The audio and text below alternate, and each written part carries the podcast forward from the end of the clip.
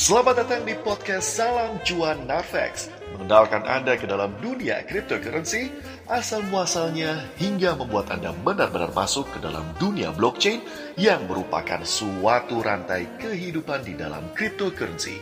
Bersama host Anda, Gusti. Ya, bertemu lagi bersama saya Gusti yang akan menjadi host Anda sampai paling lama 10 menit ke depan.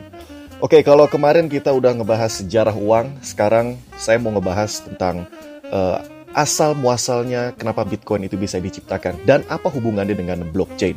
Oke, yang kita tahu transaksi perdagangan di dalam negeri maupun luar negeri diatur melalui lembaga yang namanya bank. Yang tugasnya yang kita tahu adalah menetapkan dan melaksanakan kebijakan moneter, lalu mengatur dan menjaga kelancaran sistem pembayaran, serta mengatur dan mengawasi seluruh kegiatan perbankan.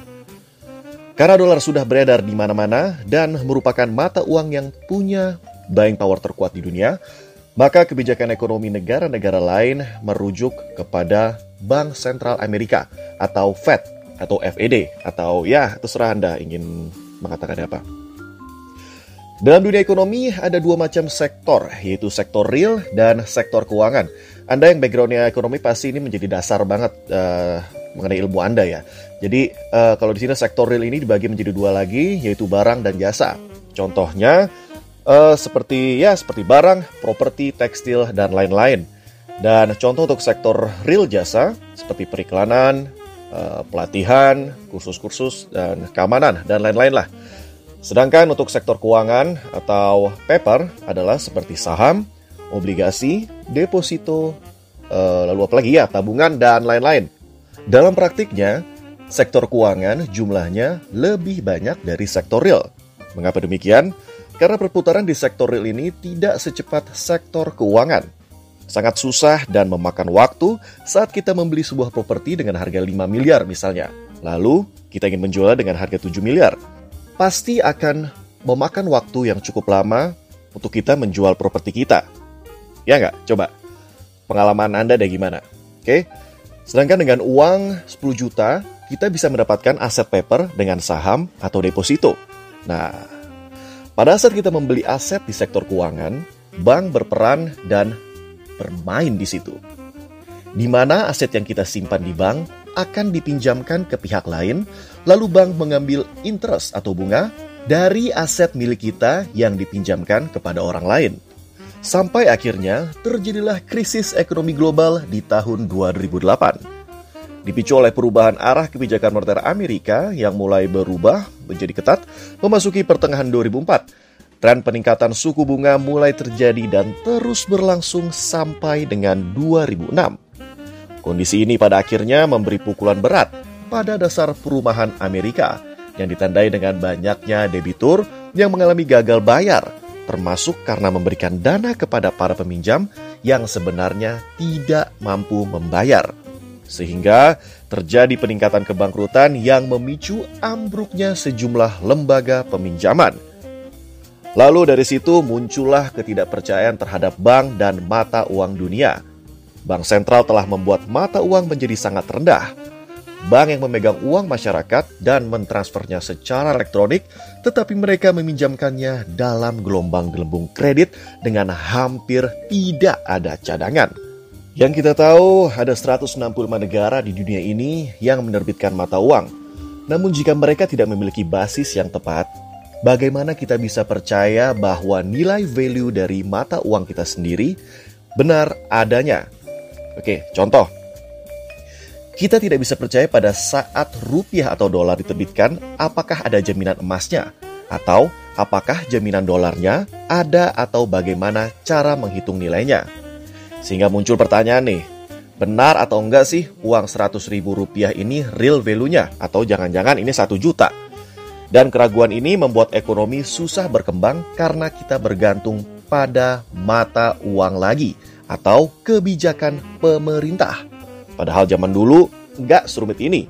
Ya misal kita dagang ya tinggal dagang aja gitu loh. Nah, pada saat krispon tersebut muncullah seorang anonim bernama Satoshi Nakamoto yang menggunakan blockchain dan menciptakan Bitcoin. Di mana dia mengharapkan Bitcoin yang menggunakan blockchain menjadi revolusi finansial. Apa itu blockchain? Nah, jadi blockchain itu bentuknya seperti open source atau open ledger yang kode pemrogramannya bebas untuk digunakan, ditambahkan, dan terdistribusi ulang untuk semua orang, semua industri, di mana pun dapat menggunakannya secara bebas. Segala informasi yang terdapat dalam komputer dibagi menjadi beberapa blok dan saling terhubung oleh rantai. Informasi tersebut tidak dapat dihapus ataupun dirubah Contoh open source yang umum digunakan adalah Linux. Nah, gini nih. Analogi sederhananya kayak gini. Simpelnya uh, kayak gini nih. Untuk membayangkan blockchain, uh, ketika kita mau membangun perusahaan startup nih contohnya. Manpower udah ada. Komputer untuk kerja udah ada. Nah, kita butuh tempat untuk kerja. Lalu, ada tempat yang tersedia gratis dan terbuka lebar. Nah, kita masuk di situ untuk bekerja. Sebut aja tempat atau ruangan itu blockchain. Nah, saat kita menggunakan ruangan tersebut, komputer setiap pegawai akan terhubung satu uh, sama lain kan? Termasuk dengan komputer bos kita nih. Jadi ketika semua informasi atau kegiatan yang dilakukan oleh bos dan para pegawainya akan terdistribusi dan tercatat di semua komputer dalam ruangan itu. Informasinya tidak dapat diubah atau dihapus. Nah, jadi si Satoshi ini menggarap blockchain ini udah uh, dari empat tahun sebelumnya yaitu pada tahun 2004. Sebelumnya itu uh, blockchain itu dinamakan RPOW atau Reusable Proof of Work. Nah, RPOW ini uh, bertujuan untuk menyelesaikan masalah pengeluaran ganda dengan menyimpan kepemilikan token yang sudah diregistrasi, yang dipercaya dan didesain untuk mengizinkan penggunanya di seluruh dunia untuk memverifikasi kebenarannya dan integritasnya secara real time. RPUW dapat dianggap sebagai prototipe awal dari langkah signifikan dalam sejarah mata uang digital. Nah, baru di tahun 2008, Satoshi and the Gang merubah RPUW menjadi blockchain. Nah, blockchain ini basisnya adalah Trusted Open Ledger, pembukuan terbuka yang terpercaya. Simpelnya gini deh, misalkan kita arisan nih. Saat tergabung dalam arisan, semua orang yang ikut mengetahui berapa uang yang disetor dan siapa aja yang mendapat uang yang diputar itu setiap bulan. Bener gak? Nah, kemudian para regulator mengatakan ini harus diatur. Apa gunanya diatur? Karena yang tergabung dalam arisan tersebut saling percaya. Dan Bitcoin bekerja seperti itu. Misalnya ada 21 juta Bitcoin beredar, ya hanya itu, hanya sebanyak itu yang beredar, nggak berkurang dan nggak lebih gitu loh. Jadi dengan jumlah Bitcoin yang diciptakan tidak bertambah dan menggunakan blockchain, semua orang yang menggunakan Bitcoin bisa tahu dikirim ke mana aja tuh transaksinya. Maksudnya transaksi Bitcoin ya gitu di dalam blockchain. Nah ini yang nggak dilakuin oleh bank. Misalkan kita mau nyimpen uang kita di rekening, oke? Okay? Kita hanya megang kertas yang tertulis berapa jumlah aset kita.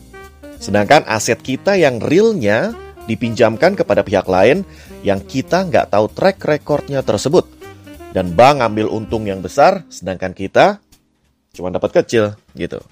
Nah, di situlah bank sentral mencetak uang baru sehingga uang beredar banyak dan terjadilah inflasi.